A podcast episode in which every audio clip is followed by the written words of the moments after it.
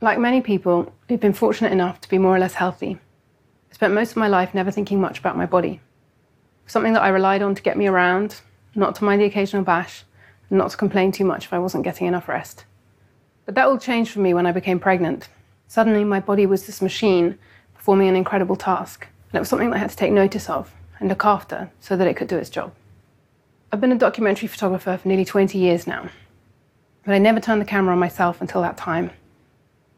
And then suddenly, I found myself fascinated by how we feel about our bodies and how we express strength or fear, courage or shyness in the way we carry ourselves.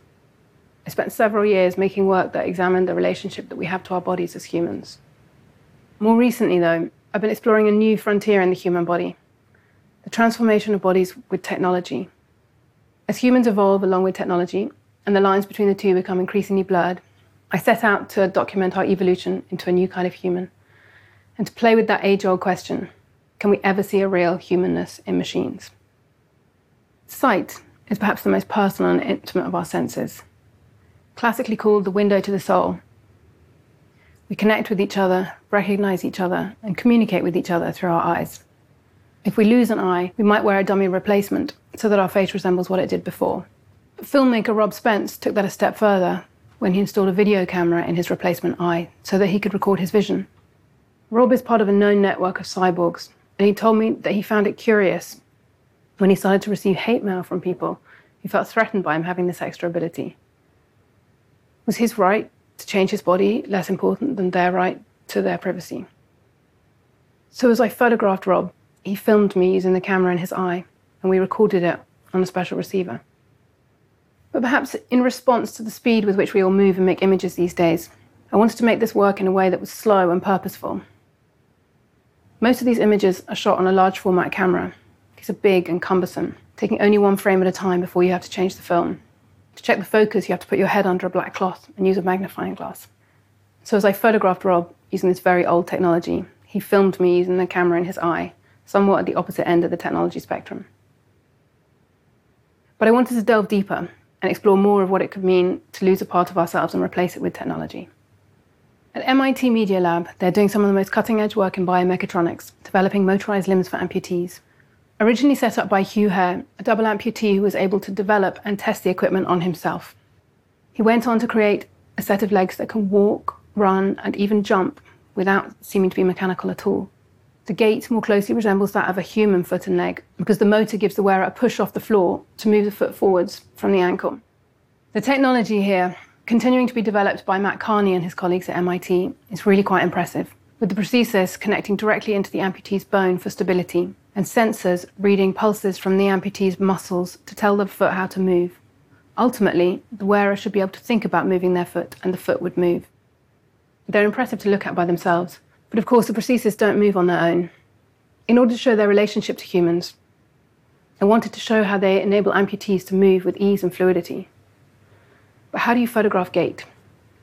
At this point, I was inspired by the work and photographs of Edward Muybridge, who's famous for his series of images of a running horse made in 1878 to prove that there's a moment when all four of the horse's feet are off the ground at the same time.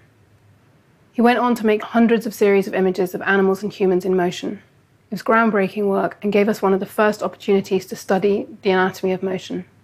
So I wanted to try and create similar kinds of motion studies of amputees walking, running, jumping using this technology, and to think of them as motion studies of an enhanced human motion.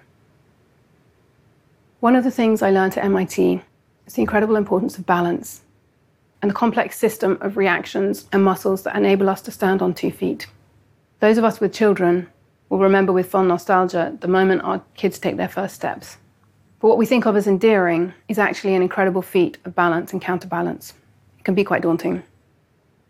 This is my daughter Lorelei standing for the first time without any support. It lasted only a few seconds. Dance, in particular, is all about balance and mastering the fluidity of movement. Pollyanna here lost her leg in an accident when she was just two years old. She's learned to dance with the aid of a blade prosthesis, and she now competes in a class alongside non amputees. But the skill of moving around on two legs and navigating often uneven ground is incredibly difficult to replicate. Over at Munich's Technical University, they've developed Lola, a biped humanoid robot who can move on two legs and make her way around a series of obstacles. As she strides along, she looks powerful and impressive, but her movement is also somewhat clunky and mechanical, and not as spontaneous or unpredictable as that of humans. At the end of it all, when she switched off, she hung down on her cables and looked kind of forlorn. And in that moment, I saw her as more human than I had done when she was walking along. I felt almost sorry that she'd been switched off. Her exterior might be cold and mechanical, but when vulnerable, she looked more real to me. Alex Lewis is a quadruple amputee who lost his limbs and part of his face when he fell ill with strep A. One of the most inspiring people I have ever met. His journey to recovery has been an incredibly tough one. He now has a chip in his arm to open his front door, a set of mechanical arms, and a hand cycle to get around. Depending on what he's doing, be it throwing a ball for the dog, riding his hand cycle, or even canoeing, he has a different set of hands that he can attach to the end of his arms. It's been a very tough journey, but the hardships he's faced have given Alex a superhuman ambition. He genuinely told me that his ordeal is the best thing that ever happened to him. He now goes on expeditions, climbing mountains in Africa.